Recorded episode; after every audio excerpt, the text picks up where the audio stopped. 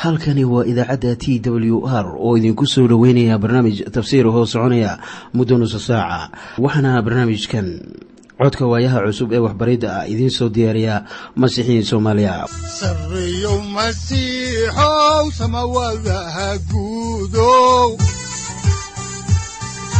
Siraadkii adduunkow subanaha eebow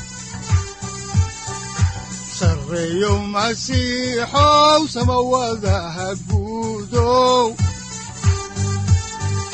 siraadkii adduunkow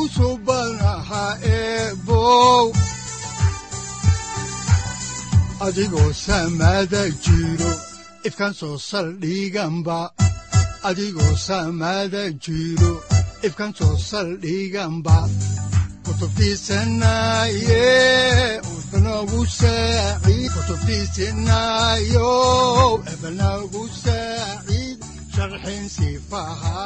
ku soo dhowaada dhegaystayaal barnaamijkeenna dhammaantiinba waxaan horay u sii ambaqaadi doonnaa daraasaadkii la magac baxay baibalka dhammaantii. Waxaannu idiin sii wadi doonnaa kitaabkii yeshuuca oo ka mid ah axdigii hore.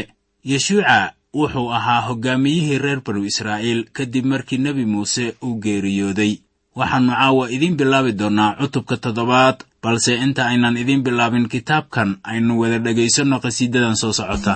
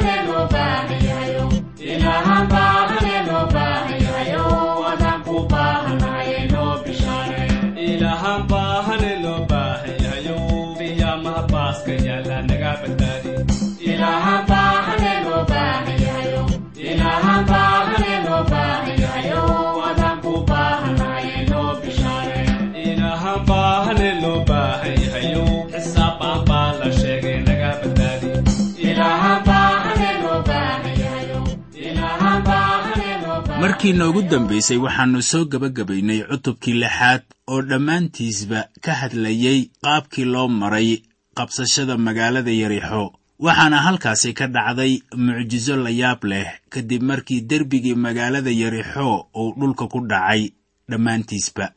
Markaasaa dadkii ay galeen magaalada waxaana loo sheegay inayan magaalada waxba ka cunin ama ka bililiqaysan waxaan ka ahayn dahabka nuxaasta iyo macdanka muhiimka ah.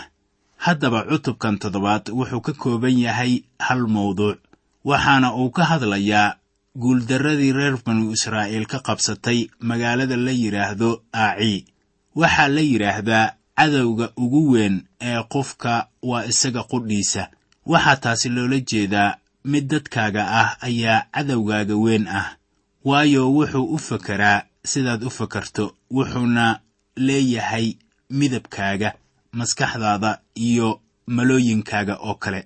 Cadowga ceenkaas oo kale ah wuxuu geysanayaa khasaare aannu geysan kari lahayn. Cadow kaa hor yimid wuxuuna kaloo dhib u geysan karaa xidhiirka adiga iyo ilaah idinka dhexeeya waxaa haddaba jira laba siyaabood oo adkaynaysa in wax laga qabto cadowga ceenkaas oo kale ah.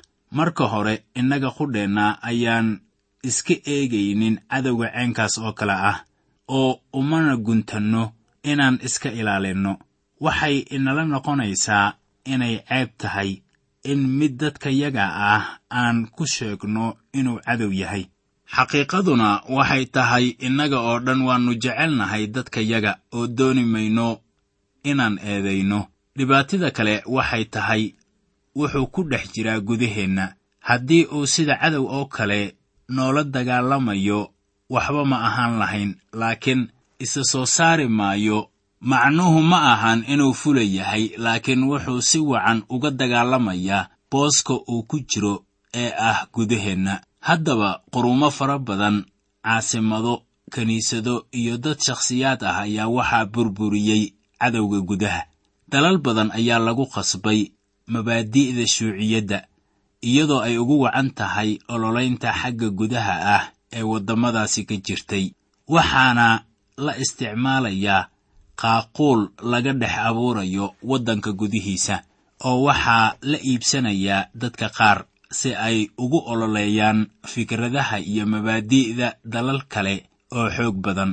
Markaad fiiriso ururo badan oo masiixiyiin ah ayaa waxaa laga burburiyey dhanka gudaha sida ku qoran muujintii ciise masiix ee loo muujiyey yooxanaa baalka afar boqol toddoba iyo labaatan ee axdiga cusub.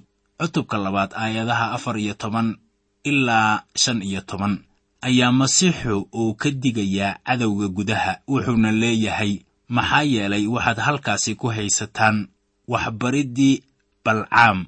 Weliba waxaad haysataan kuwo sidaas oo kale u xajiya waxbariddii dadka nikolaas raaca markaasoo uu u qorayey sida ku qoran muujintii sayid ciise masiix oo yooxanaa loo muujiyey toddobada kiniisadood waxaa kaloo ku qoran kitaabka muujintii cutubka labaad aayadda labaatanaad sida tan laakiinse wax baan ku haystaa waayo waxaad ogoshahay naagta yisbeel la yidhaahdo oo nebiyad isku sheegta oo waxay addoommadayda bartaa oo ay ku sasabtaa inay sinaystaan oo ay cunaan waxyaalo sanamyo loo bixiyey. Markaan si bayaan ah idinla hadalno ayaa ciise masiix wuxuu leeyahay kiniisad yahay waxaa gudahaaga ku jira kuwa ku baabi'inaya. Waxaan kaloo saaxiibayaal idiin sheegayaa in qof shakhsi ah laga burburin karo gudaha. Ninka la yidhaahdo alexander the great ayaa sida abbaarta ah ahaa ninkii ugu magac dheeraa milatariga inta la ogsoon yahay oo wuxuu horkici jiray ciidamo fara badan sida ku qoran buugaagta taariikhda. Nin isagoo kale ahna laga heli maayo taariikhda. Intuuna gaarin da'da shan iyo soddonaad ayuu wuxuu qabsaday dunida oo dhan laakiin wuxuu dhintay isagoo cabsan haddaba wuxuu qabsaday dunida oo dhan laakiin wuxuu qaban waayey nafsaddiisa waxaa jiray cadow gudihiisa ku jiray oo burburinayay haddaba dagaalka keliya ee reer banu israa'iil ay ku guuldarraysteen wuxuu ahaa mid guuldarradu ay ka timid gudahooda. Mase ahayn mid bannaanka looga yimid. Markii ay reer banu israa'iil galeen dhulkii la ballanqaaday ayaanay la kulmin cadow fara badan laakiin saddex magaalo ayay ahayd inay qabsadaan. Waxay kala ahaayeen magaalooyinkaasi yarixo aaci iyo gibecoon saddexdan magaalo ayaa taranturo ku noqday reer banu israa'iil sidii ay ku qabsan lahaayeen dhulkii loo ballanqaaday. Dhulka hortoodu yaalla ilaahna wuxuu leeyahay dhulkan idinkaa iska leh ilaah wuxuu siiyey subarloogada ama warqadda lahaanshaha dhulka reer banu israa'iil oo warqaddaasu waxay ahayd ballankii uu siiyey nebi ibraahim.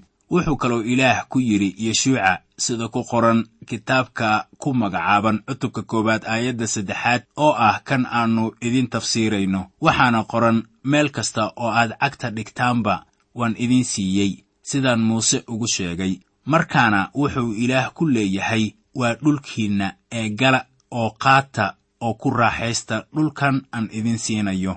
War maxaannu cashar wacan ka helaynaa kitaabkan maanta. Dadkan waxaa la siiyey dhul baaxaddiisu uu dhan yahay saddex boqol oo kun oo mayl oo wareeg ah.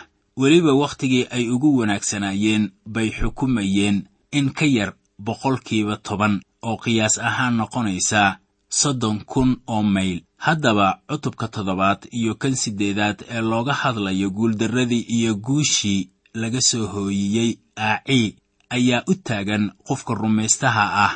Markuu dunidan ku nool yahay waxaa la soo gudboonaanaya guuldarro.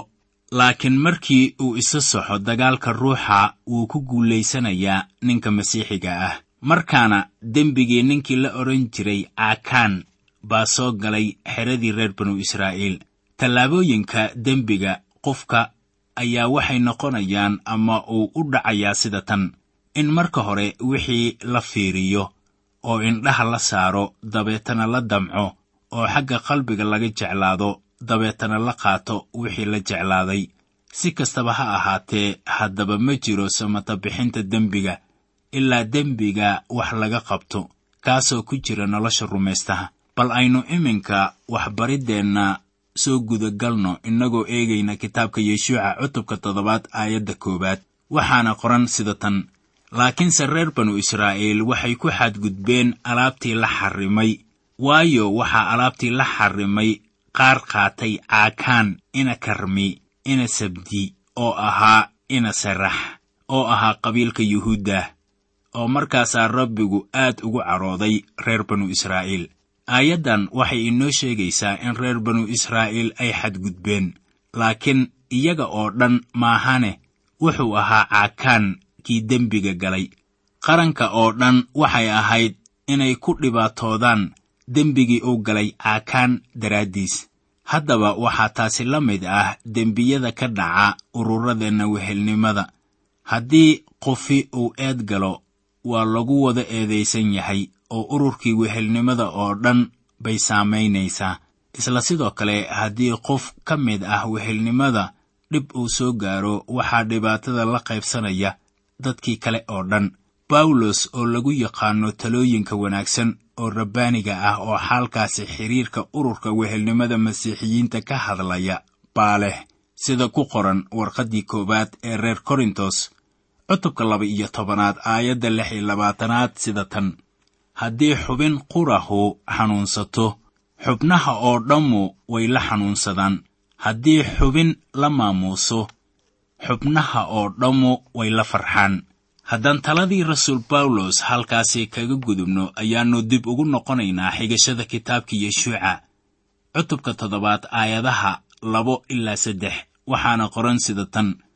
Oo yeshuuca wuxuu niman ka diray yerixo oo uu u diray aaci taasoo ku tiilay baytaawen dhinaceeda oo xagga bari ka jirtay baytel oo intuu la hadlay wuxuu iyagii ku yidhi baltaga oo dalka soo basaasa oo nimankii intay tageen ayay aaci soo basaaseen oo markaasay yeshuuca ku soo noqdeen oo waxay ku yidhaahdeen dadka oo dhammu yaanay wada tegin laakiinse labo ama saddex kun oo nin ha tageen oo ha baabi'iyeen aaci oo dadka oo dhan halkaas yay ku daalin. Maxaa yeelay iyagu way yar yihiin. Yarixo waxay u taagan tahay dunida aaciina jirka. Haddaba haddii yarixo ay u taagan tahay dunida ayaa magaaladan yar ee aacii la yidhaahdana ay u taagan tahay nafta.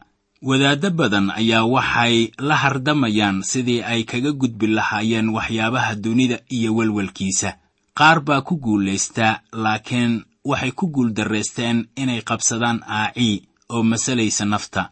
Haddaba ninna sheegan kari maayo inuu ka adkaado nafta ama jidhka waxyaabihiisa haddaannu kaga gudbin nolosha masiixa. Waayo masiixa ayaa dunida iyo damaca jidhkaba ka adkaaday. Reer banu israa'iil waxay soo gaadheen guulo isdabajoog ah oo degdeg ugu imaanayay waxay qabsadeen magaalada yarixo oo inkastoo ilaah u keenay guusha ayaa haddana israa'iil waxay la ahayd inay iyagu xoog ku qabsadeen. Haddaba yeshuuca ayaa qaar ka mid ah dadkiisa u diray aacii inay soo indha indheeyaan ama soo basaasaan. Kadib markii ay si taxaddar leh u soo eegeen ayay la noqotay inaan dad badan loo baahnayn oo ayan la mid ahayn yarixo oo kale. Haddaba waa run. In aacii ayaan baaxad ahaan la mid ahayn yarixo. Haddaan xigashada kitaabka yeshuuca horay idinku sii wadno ayaannu eegaynaa cutubka toddobaad aayadaha afar ilaa shan waxaana qoran sida tan. Sidaas daraaddeed waxaa dadkii ka tegay oo halkaasi u kacay in saddex kun oo nin ku dhow oo waxay ka hor bakdeen dadkii reer aaci oo markaasaa dadkii reer aaci waxay iyagii ka laayeen lix iyo soddon nin oo magaalada iriddeedii ayay ka eryadeen tan iyo shabaariim oo waxay ku laayeen meesha dhaadhaca ah. Markaasaa dadkii qalbigiisii dhalaalay oo biyo oo kala noqday. Marka ay sidan tahay ayaa reer banu israa'iil waxaa ka adkaaday raggii reer aaci aniga iyo adigana waxaa naga adkaada damaca jirka. Haddaba uma isticmaali karno inaan damaca jidhka ama nafta kaga gudubno.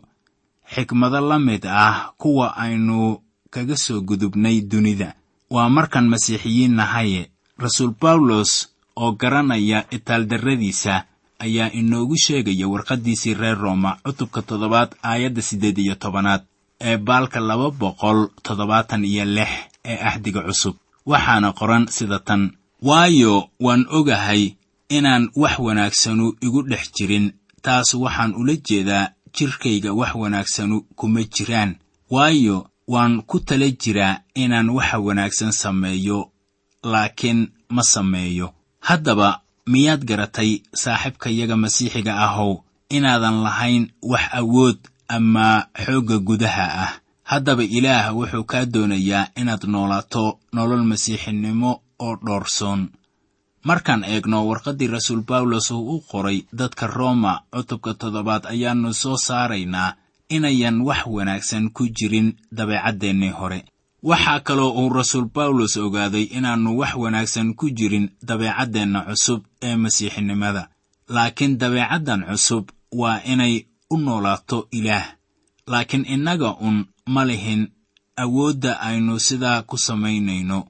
Warqaddii rasuul bawlos uu u qoray dadka reer rooma cutubka siddeedaad ayaa laynagu barayaa wax ku saabsan ruuxa quduuska ah ee ilaah. Waa marka laynaga buuxiyo ruuxa quduuska ah ee ilaah markaan noolaan karno nolol masiixinimo.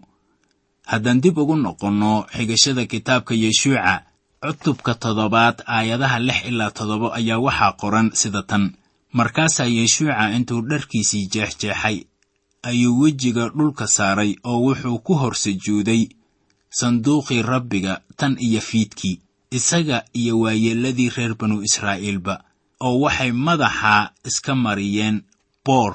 Markaasaa yeshuuca wuxuu yidhi sayidow rabbiyow ma waxaad dadkan webi urdun uga soo gudbisay inaad nagu riddo gacmaha reer amoor iyo inaad na halligto waxaa noo wanaagsanaan lahayd inaannu degno webi urdun shishadiisa oo halkaasi raalle aan ku ahaanno.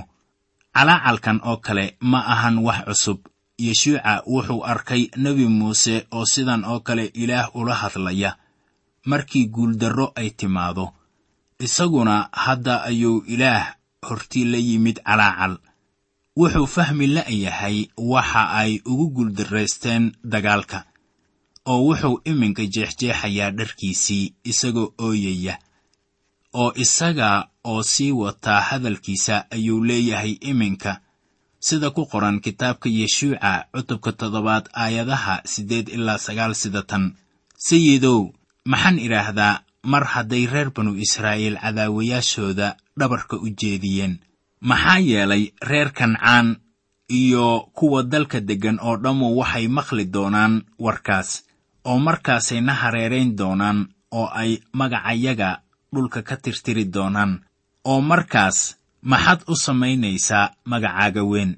Bal iminkana dhegayso waxa sayidku uu leeyahay innagoo ka eegayna aayadda tobanaad waxaa qoran sida tan markaasaa rabbigu wuxuu yeshuuca ku yidhi sare joogso maxaad sidaas wejigaaga isugu tuurtay? Wuxuu rabbiga iminka ku leeyahay yeshuuca. War sare joogso oo riinka jooji oo iska siib dharka jeexjeexan oo aad xidhan tahay iyo dambaska aad ku fadhiso. Waxaa jira kuwa marka ilaah ay baryayaan sidaa oo kale ah. Haddaba taasu wanaag ilaah hortiis keeni mayso. Waxaan u baahan nahay inaan xididada hoose ee dhibaatadeenna baarno. Haddaan horay idinku sii wadno xigashada kitaabka oo aannu eegno cutubka toddobaad aayaddiisa kow iyo tobanaad waxaa qoran sida tan. Reer banu israa'iil way dembaabeen xataa weliba waxay ku xadgudbeen axdigaygii aan iyaga ku amray.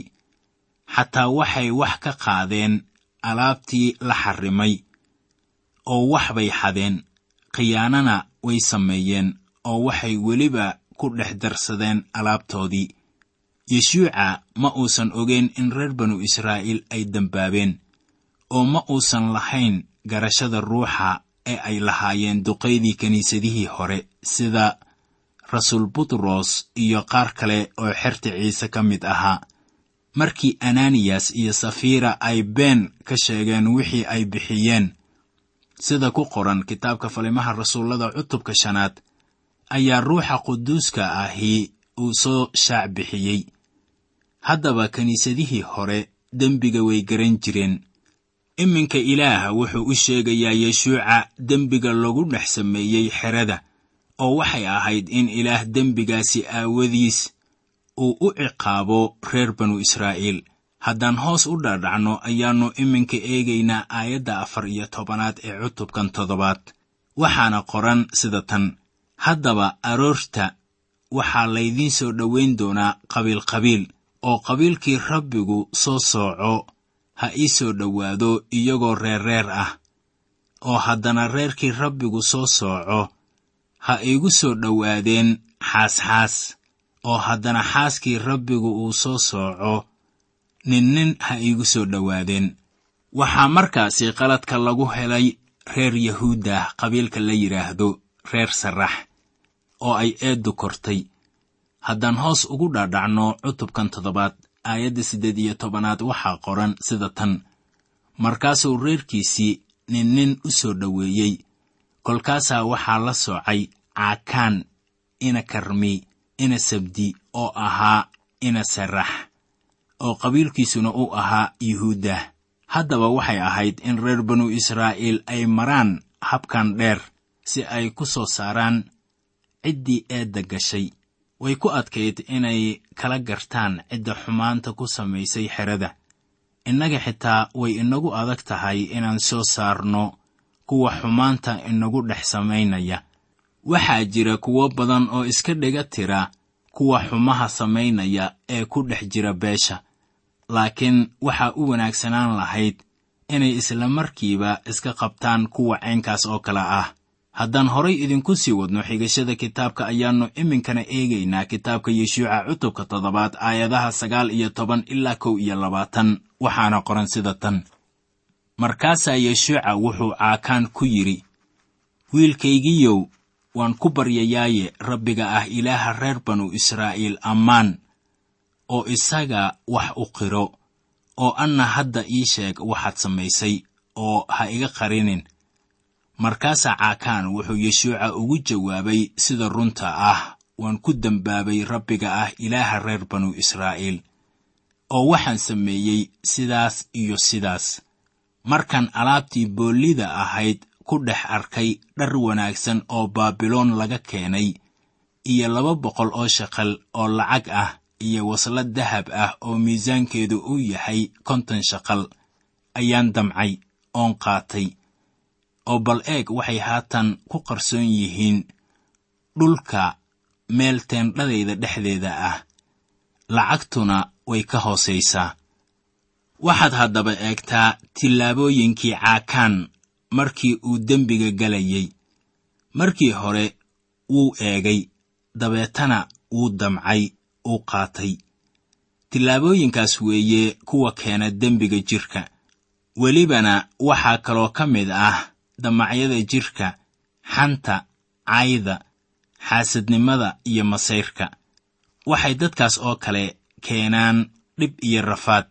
Haddaba ilaahda waxay dhisaysaa nafjeclaysigaaga oo waxaad noqonaysaa mid isaga uun iska fakera waxay kaa dhigaysaa inaad isku aragto kaad la ilaahtamayso ama aflagaadaynayso mid aad ka wanaagsan tahay.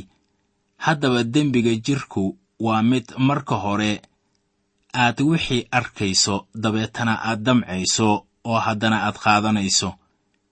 Iminka caakaan wuxuu sameeyey markii la qabtay wax kale ma uusan samaynin laakiin dembigiisii buu qirtay.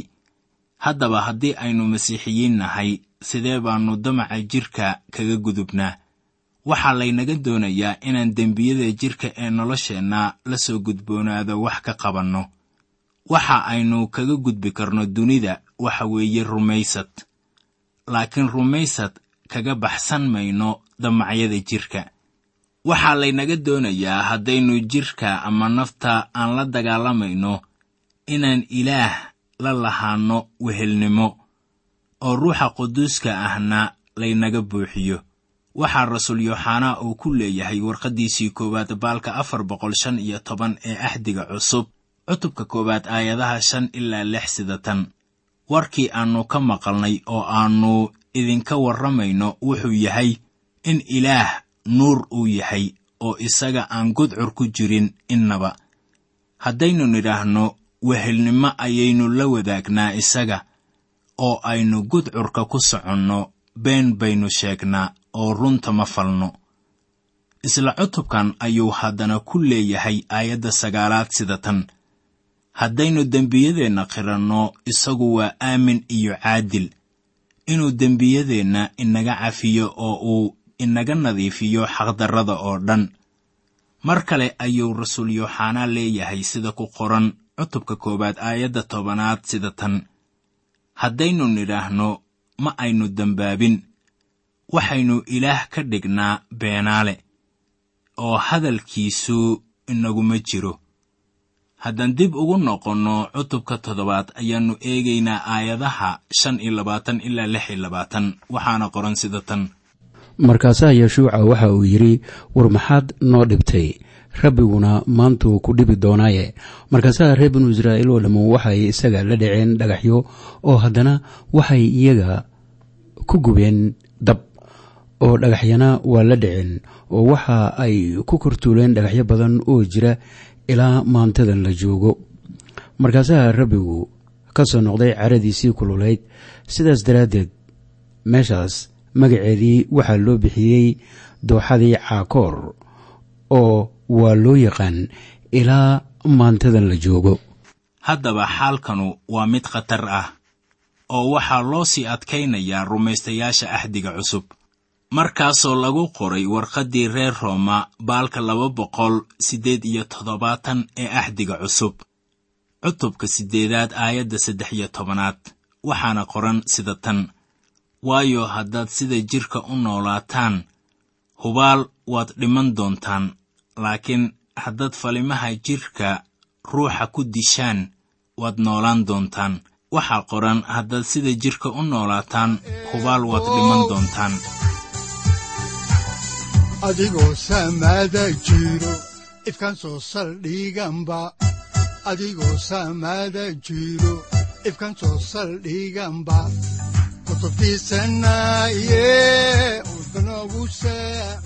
halkani waa t w r idaacadda t w r oo idinku leh ilaa ha idin barakeeyo oo ha idinku anfaco wixii aad caawi ka maqasheen barnaamijka. Waxaa barnaamijkan oo kalaa aad ka maqli doontaan habeen dambe hadahan oo kale haddiise aad doonaysaan in aad fikirkiina ka dhiibataan wixii aad caawi maqasheen ayaad nagala soo xiriiri kartaan som t w r at t w r c o k e waxaad kaloo iimailada inoogu soo diri kartaan dhegaystayaal cinwaanka yahu-ga oo ah somali t w r at yahu com. Aaduu u fududyahayaa somali t w r at yahu com waxaa kaloo aan idin siin doonaa website aad ka maqashaan barnaamijyada soomaaliga ah si kuwiina doonaya in ay koorasyo ka qaataan bibalka ay ugu suurowdo ama ugu hirgasho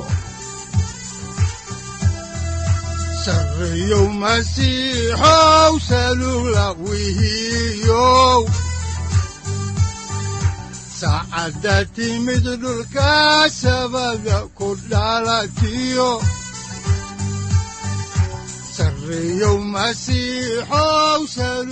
halkani waa t w r oo idiin rajaynaya habeen baraare iyo barwaaqaba leh inta aynu ka gaari doono wakhti aynu ku kulanno barnaamij la mida kan caawayay aad maqasheen waxa aan idinku leeyahay nabadda ciise masiix ha idinku badato xagga jidhka iyo ruuxaba aamiin